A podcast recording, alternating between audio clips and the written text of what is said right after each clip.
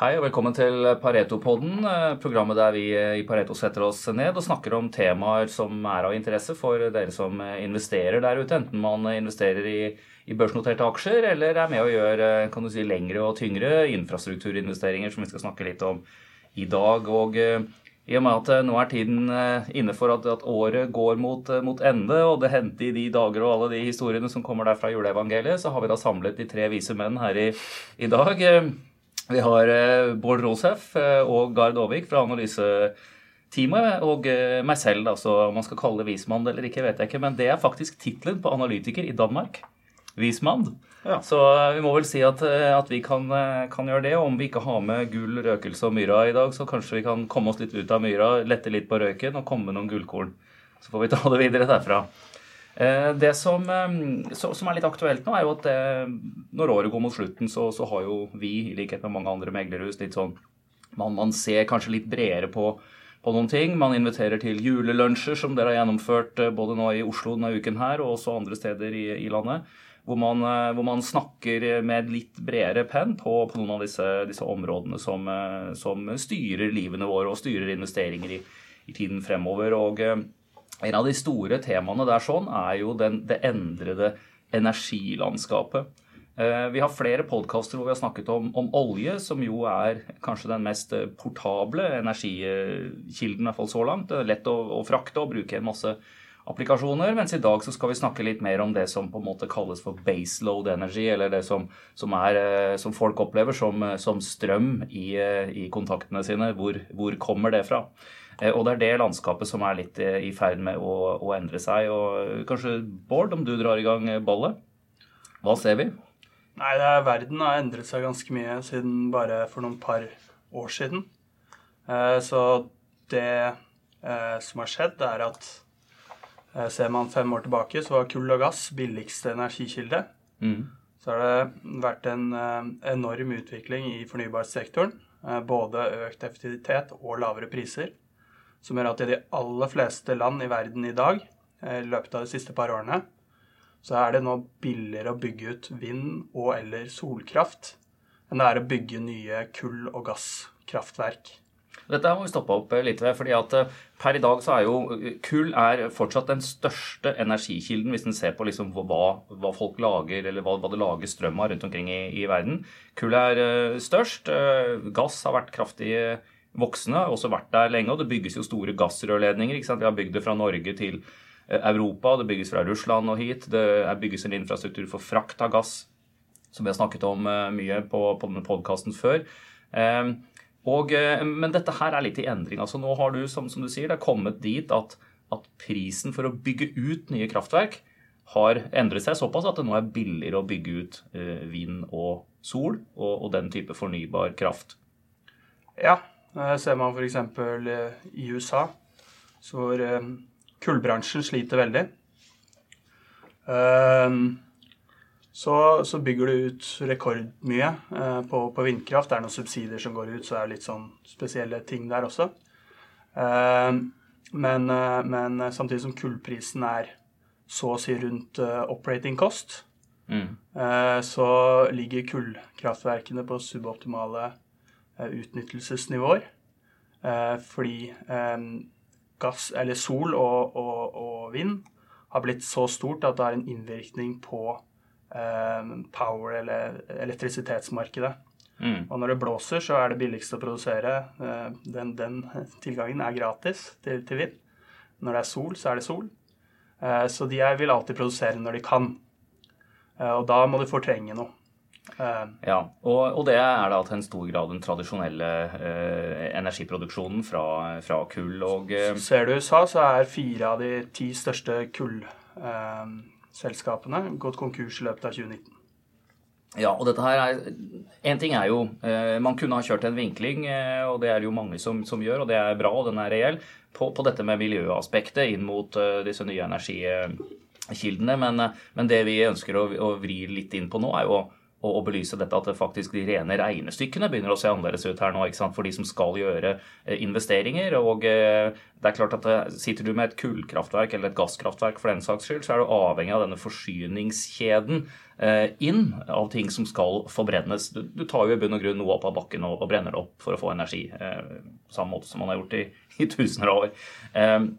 Mens, eh, mens, når du gjør Og så, så, koster det en, en, kapitalinvestering å selve, bygge selve kraftverket. ikke sant?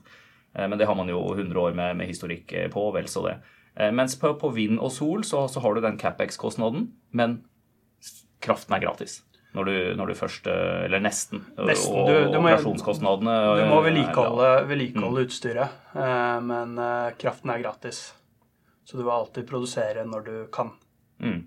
Og vi ser jo en, eh, det kan jo folk gå inn og kikke på selv, en ganske markant utvikling i, kurs, eh, i kursene på disse selskapene som, driver, som er de ulike players innenfor dette her. Kullselskaper er jo ikke så mye lista i, i Norge. Olje er litt sånn midt imellom og har en litt annen forsyningskjede og rolle, som vi var inne på. Mens, eh, mens, man ser jo Skatec eksempelvis eh, som en av de som da bygger soleparker. Vi har eh, Vestas i Danmark som er ledende på, på utstyr inn mot, mot vindmølleindustrien. Og flere av disse spillerne som jo, hvor aksjene har gått utrolig sterkt, rett og slett. Ja, det er Se på Ørsted i Danmark, tidligere Dong Energi, og Skatec her i Norge.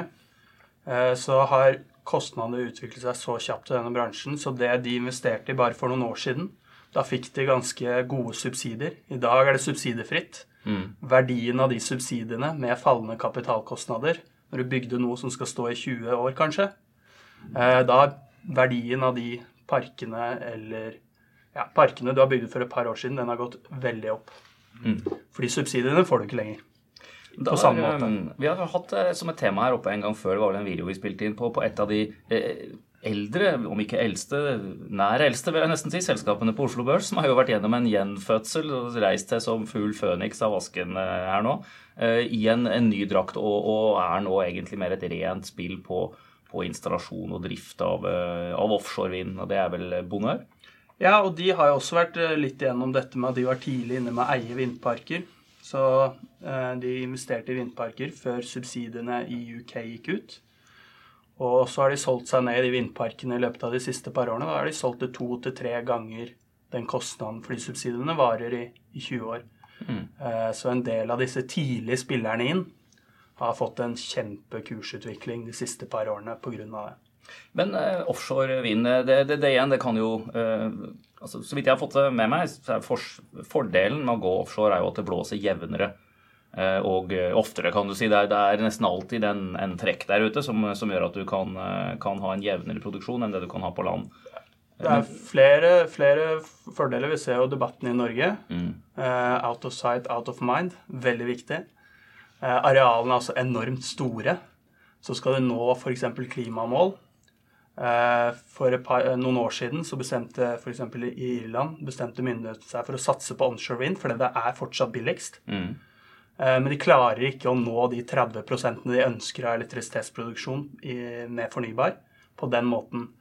En onshore vindpark 100-200 megawatt og tar en del plass. En offshore vindpark, du ser den siste til Equinor, 3,6 gigawatt kapasitet. Ja, det er stort. Når du i tillegg da, som du sier, eh, snitt onshore vindpark har ganske kraftig forbedring i, opptiden, eh, de nyeste, men, men fortsatt kanskje rundt 30% Offshore 35 pushe 40.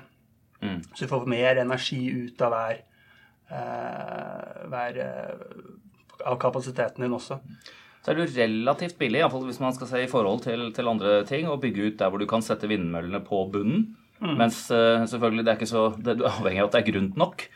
ja. så, eh, så, så, offshore vind, flytende vindmøller, altså hvor du kommer lenger ut, det er jo et av de aktuelle temaene nå. Det er på prototype- og demonivå. og Det er noe man snakker mye om i Norge, for vi har mye vindressurser på eh, vanndybder der du ikke kan ha bunnfaste installasjoner som du kan ha opp til 50-60 meter.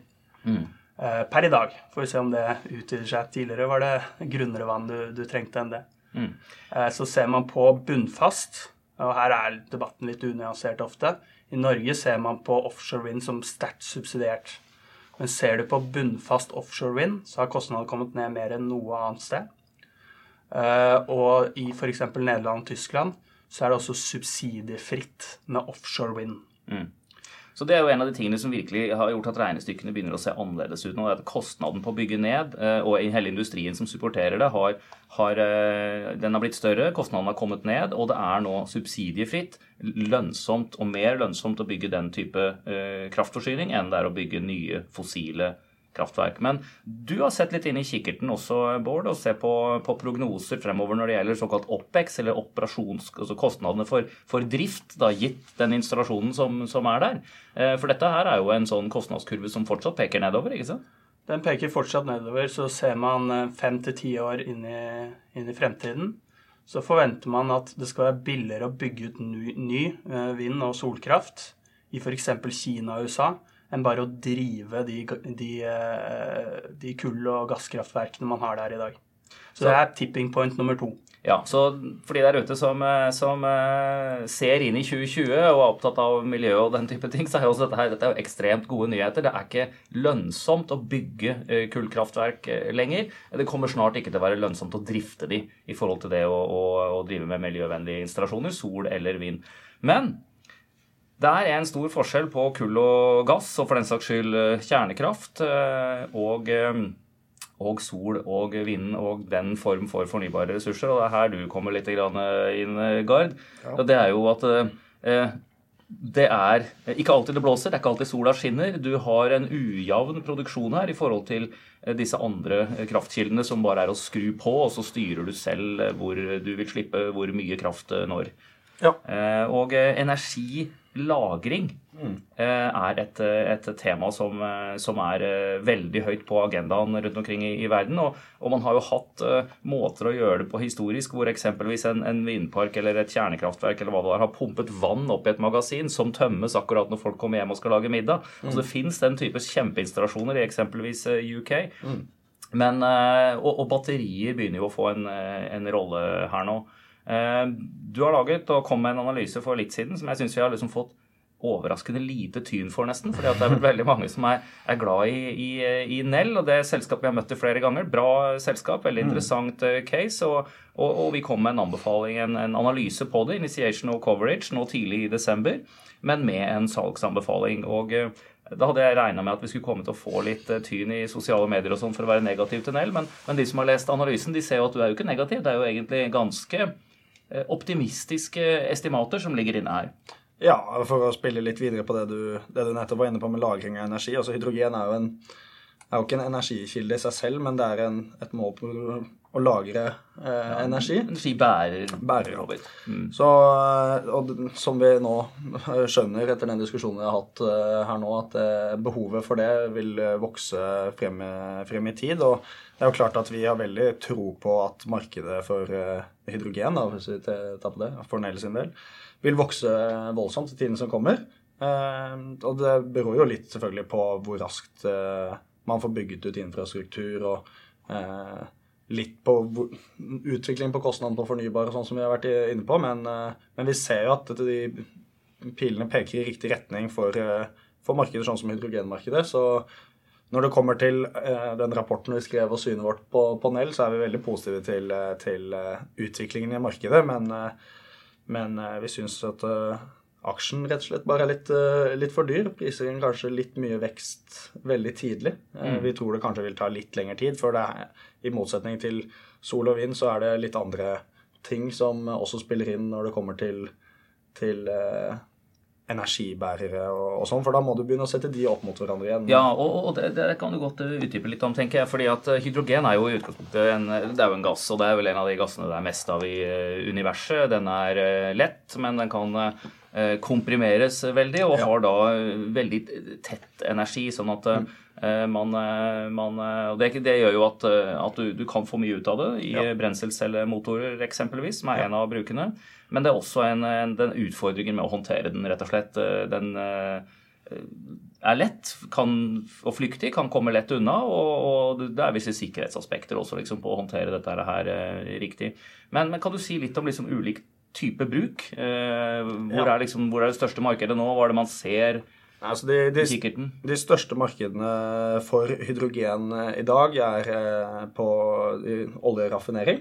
Rett og slett for å lage de produktene man ønsker, eh, av fossile brensler, eller fossile drivstoff om til, til f.eks. diesel og, og bensin. Og i prosessen, i cracking-prosessen der så tilsetter du en del hydrogen. Samtidig så er også ammoniakkproduksjon, som du trenger for å lage gjødsel, eh, veldig, veldig, stort. Men sånn som man lager det i dag, så bruker man naturgass. Eh, mm. Så, så, det, det lages hydrogen av naturgass? Eh... Ja. Det er gjennom en sånn eh, gassreformeringsprosess, da. Ja, for du får jo også ofte opp en del gass sammen ja. med oljen på noen av disse stedene, ja, så det, ja. dette er eh, så, så, så, det er det største markedet per i, i dag. Mens, ja.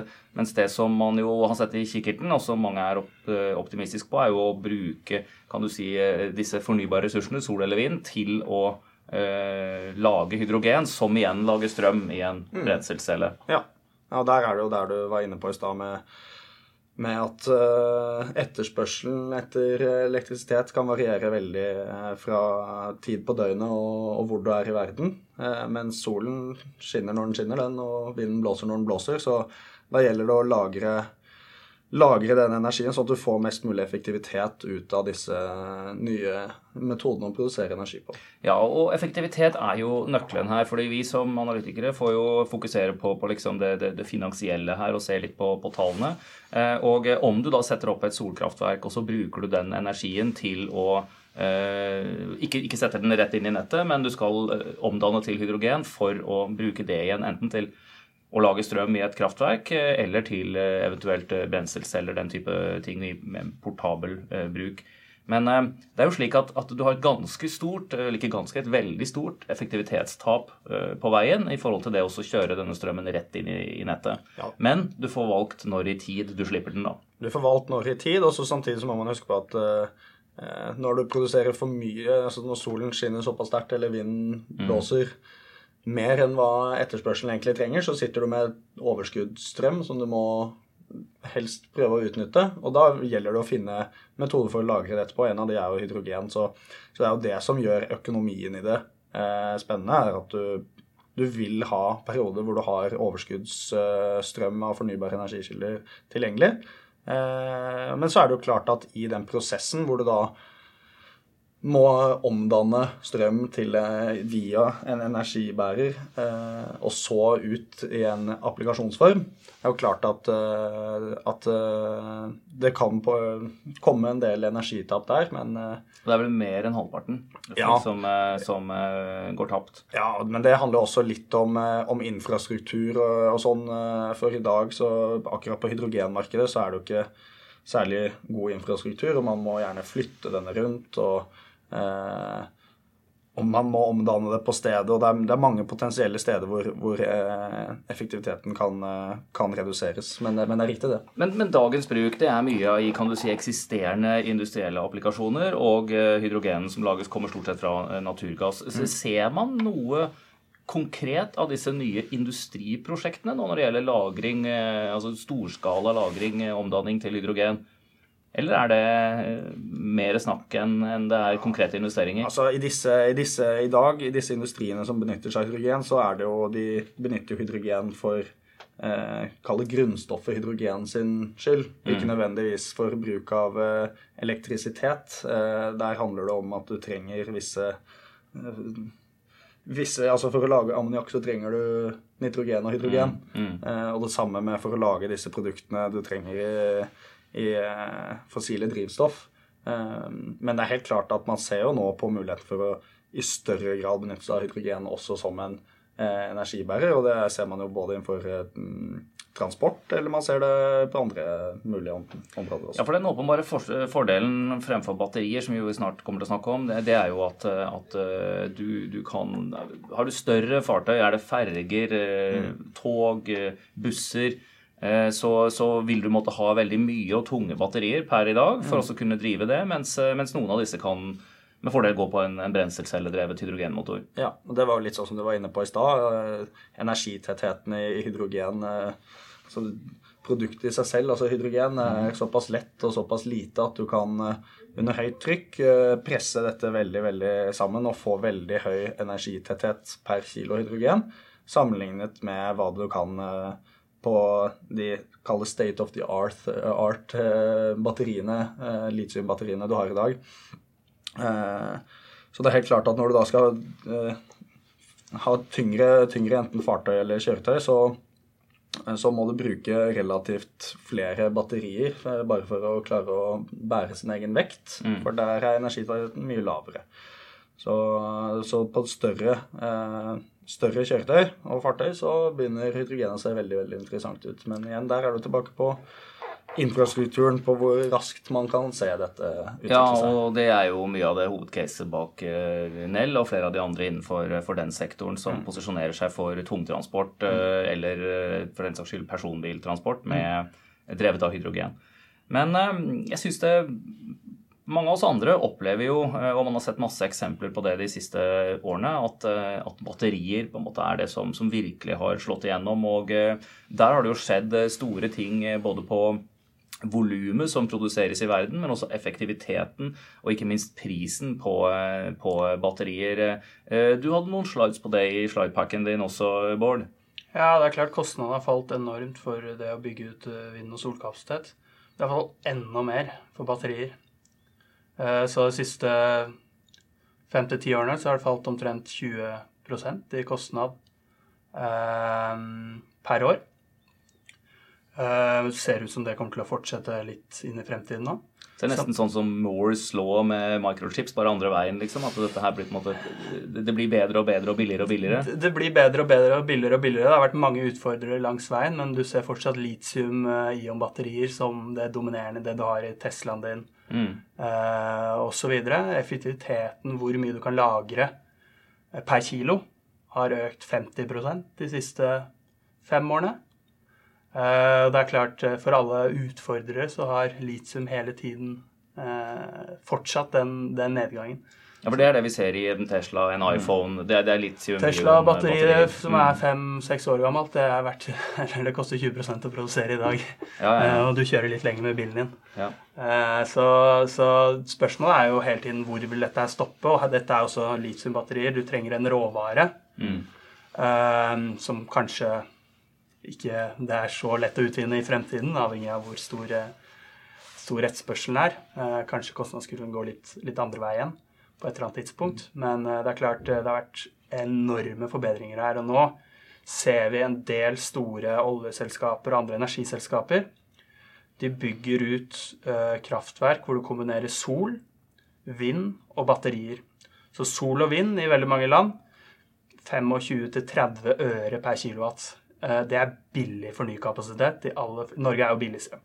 Mm. Uh, og hvis du da kan kombinere de to, så det blåser gjerne når det ikke er så mye sol, og vice versa, og kan slenge på et, et batteri hvis du skal ha 100 av kapasiteten, koster omtrent 1,5 kroner per kilowattime per i dag. Mm. Men la oss si du kan ta 25% av den, for du trenger ikke et batteri for fulle parken din for å kombinere sol og vind. Ja. Så begynner du å nærme deg kostnadsnivået allerede nå som mange steder vil være subsidiefritt. Og da ender du opp med en installasjon som kan levere jevn strøm gjennom hele en dagen? En høyverdig, så, så, spesielt kall det kull, som vi var inne på. Og, og, det er jo en baseload-energi. Det er ikke så lett å skru et eh, kullkraftverk opp og ned. Samme med nuclear, mens gasskraft det kan du skru litt opp og ned. Det aller beste formen for kraft er jo de kraftverkene vi har i Norge. Vannkraft. Ja. Kan pumpe vannet opp igjen helt genialt. Du sender ut akkurat når Europa trenger strøm, og strømmen selvfølgelig er dyrest, kan vi eksportere litt strøm. Eh, men her lager du en ganske konkurransedyktig Du er ikke helt, helt der ennå. Men i løpet av noen år så mest sannsynlig så lager du et eh, konkurransedyktig alternativ hvor du også har det man kaller dispatchable energi, hvor du kan sende ut energi når det trengs. Kanskje ikke ta de aller største pikene, men du kan sende ut energi når det trengs. Man har jo en del eh, effekter her sånn som er de vanlige man ser eh, som analytiker. altså Jo, jo, jo større industrien for å lage de tingene her blir, altså når det ikke fins noen sånn direkte mangel på, på, råvaren, jo billigere blir selve produksjonen, og jo raskere får man den verdikjeden i gang og alle tingene der. Men, men, men samtidig så har du eh, over hele verden, har jeg inntrykk av nå altså Det har aldri vært så mange smarte folk som forsker så mye som de gjør nå, og det er liksom virkelig store selskaper. Så hvis man søker på battery breakthrough, så kommer det liksom opp Eh, du, du, får mange treff, for å si det sånn. Og jeg tok det her nå nå i stad, bare så for to dager siden eksempelvis eh, IBM. så liksom, det, er ikke noen, det er ikke noen småaktører som da kommer og sier at eh, i, i, deres laboratorier nå så har de laget nye batterier med ikke litium-ion, men som da hadde bedre både energitetthet, lavere kost var det muligens, forurensningsfritt, en masse sånne ting. Så og Dette er bare ett eksempel. det er liksom Toyota driver med dette. Man snakker om såkalte solid state-batterier. Eh, og det vi, det vi, vet, med, eller kan si med relativt stor sikkerhet, er at det, det, kommer til å bli mer effektivt, lettere, billigere, bedre batterier eh, i, i, nær fremtid. Vi kommer til å se dette her rulle ut i årene som kommer. Og mest sannsynlig mer tilpasset også. La oss si noen som ikke er så gode på vekt, men som kan være veldig gode i et energisystem å, i, i, altså elektrisitetsnettverket for å ta opp eh, overskuddsenergi osv. Men så er det hydrogen som kanskje Det er vel én industri det har brukt uh, lenge, og det er romfart. Mm. Det er jo den enorme energitettheten, og for veldig tung transport så har jo det en, en helt unik posisjon. Mm. Så det er fra å være eh, Kall det ett produkt, så kommer det til å bre seg. Eh, og det kommer til å skje enormt mye om litiumbatterier er fremtiden who knows, basert på hva vi ser av newsflow, mm. så kan det godt være det er noe annet. Det kan det være. Dette her er et, et, spennende eh, landskap. Men det man ser, er at de fleste applikasjoner som bruker batterier eh, Jeg tar ta min Tesla, som nå er snart fire år, eller fire år gammel, faktisk, som et eksempel. Der er batteriet festa med åtte klemmer. Kan bytte seg en robot på tre minutter. Så kommer det et bedre batteri, så er det liksom klikk, så har man det inne. Eh, det ble bygd med det som intensjon. Eh, så, og dette samme kan man se med alle disse sparkesyklene som ligger og strør rundt i byene nå. ikke sant? Altså Dette her er jo ting som ikke gikk an for noen få år siden fordi batteriene var for tunge og for lite effektive. Mm. Eh, og eh, vi kommer til å se eh, Man snakker om fly. Elektriske fly. Man, by, man, har prøvd de første av de i Norge, men det er fortsatt sånn at okay, batteriene er litt for tunge, de er litt for lite effektive. Kommer til å komme. Ja, han, Elon Musk har vel sagt at uh forventer at man kan bruke batteri på alt unntatt uh, romfartøy raketter. Mm. Eh, men utover det så har han vel sagt at uh, skal få til å klare å effektive nok batterier, lette nok. Ja, Tesla er jo et av de selskapene som også er store på dette med energilagring, med Tesla Powerwall og det i forskjellige pakker. Men det er mange, mange aktører der nå. Så dette her, dette er jo temaer som vi kommer til å Eller dere, får en si, dere som sitter med, med Excel-arkene, kommer til å regne mye på i, i tiden som kommer. Fordi at dette får jo spillover-effekt inn i Eh, annen form for energiproduksjon, investeringer innenfor energi, transport. Det spiller over mot gass, det spiller over mot olje. Eh, kull er litt interessant, fordi der kom jo Internasjonalt energibyrå med sin kullrapport denne uken her sånn, med da forecast for, eh, for de neste fem årene. Og da hadde de jo interessante poenger der. at Først så ble de overrasket over at det var et lite nedtikk i kulletterspørselen i forhold til hva de hadde ventet, så de måtte nedjustere sine estimater for inneværende år. Men så spådde de da at eh, det skulle være stabilt de neste fem årene. Tror ikke på. Og, eh, det tror vi ikke på, nei. De har ikke lest analysen din, Bård. nei, nei, altså kull, kullprisene ligger nær oppvekstnivået nå.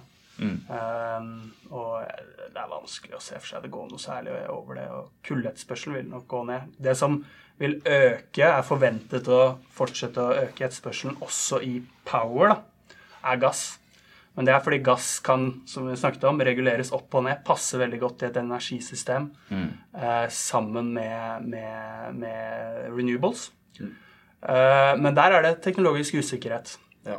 Blir batteriene gode nok, eller alternativet til batteriene, så er det klart da man nedjustere også gassetterspørselen. Dette er jo noe av det man har sett på, dette er én av grunnene eh, til at man ser et voldsomt press nedover også på gasspriser. ikke sant? Gassprisene har falt i, i Europa. I USA så har det falt, falt også fordi det blir produsert veldig mye gass som en funksjon av, av fracking. Men det man må huske, som er for så vidt en god nyhet inn i alt dette her, når vi ser et press nedover på energikostnadene, det er jo at prisen på nesten alt her i verden er jo avledet av energi.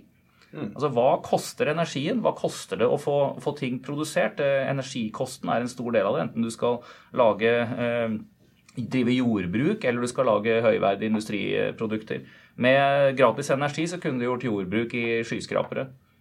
Det vært, eh, dette har man faktisk testet også. Det fins noen sånne installasjoner rundt omkring i verden. så det er, eh, det, Dette er interessante, interessante temaer. og da, da, vil du straks slippe å måtte frakte ting rundt halve kloden, eksempelvis, men det kan produseres mer nærere de, de markedene man er. Så, så, dette her kommer til å være kjempeinteressant tematikk som, eh, som vil følge oss fremover. og vi ser jo en bevegelse også. Nå har vi ikke med oss analytikeren for, eh, for Equinor her, men Skatec er jo i nærheten av det som du ser litt på, Gard. Mm. Og Nyhet i dag er jo at Equinor, som jo allerede hadde rundt 10 av, av Skatec, kjøpte seg ytterligere opp. Mm. Nei, det er jo klart det viser jo litt hvor, hvor fokuset ligger. og Equinor gjør ikke en sånn investering bare for å grønnvaske sin egen profil. De gjør det fordi de har tro på at denne som vi har diskutert nå i denne podkasten, at uh, energimiksen i fremtiden kommer nok til å dreie seg uh, vekk fra, fra, det vi kjenner i dag med, med fossil brensel og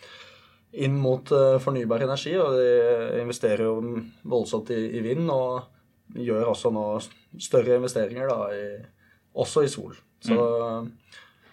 Så selv om, eh, selv om, det ikke er et eh, vindselskap eller solselskap helt ennå, så, så, er det viktig for disse majorene og, og, store aktørene der ute og posisjonere seg inn mot, mot disse industriene også. Ja, for det er, det er, flere grunner til det. Men man ser jo også dette, man ser lignende oppførsel blant såkalt andre oil majors, Shell eksempelvis, og den, den, type ting der. Og det er jo også sånn at en del av disse uh, offshore vind f.eks. går godt sammen med uh, offshore oljeplattformer og den type ting, og kan bidra til å drive dette her, så man slipper å drive det med med gass. Så, så, så, det er vel det vi kan kanskje konkludere med. Hvis en skal se på dette her som en sånn julekule, så er det liksom ikke bare å velge den ene kula eller den andre, men, men det blir mange fasetter. Det, det, kommer til å være en miks også fremover, men miksen og størrelsen, størrelsesforholdet mellom de ulike bitene i energimiksen kommer til å være under under endring. Og, og hvis en skal avslutte på en positiv note, får man vel si at det er, en, det er en grønnere retning alt sammen går i. Og det er jo det er vanskelig å spinne det som noe annet enn positivt.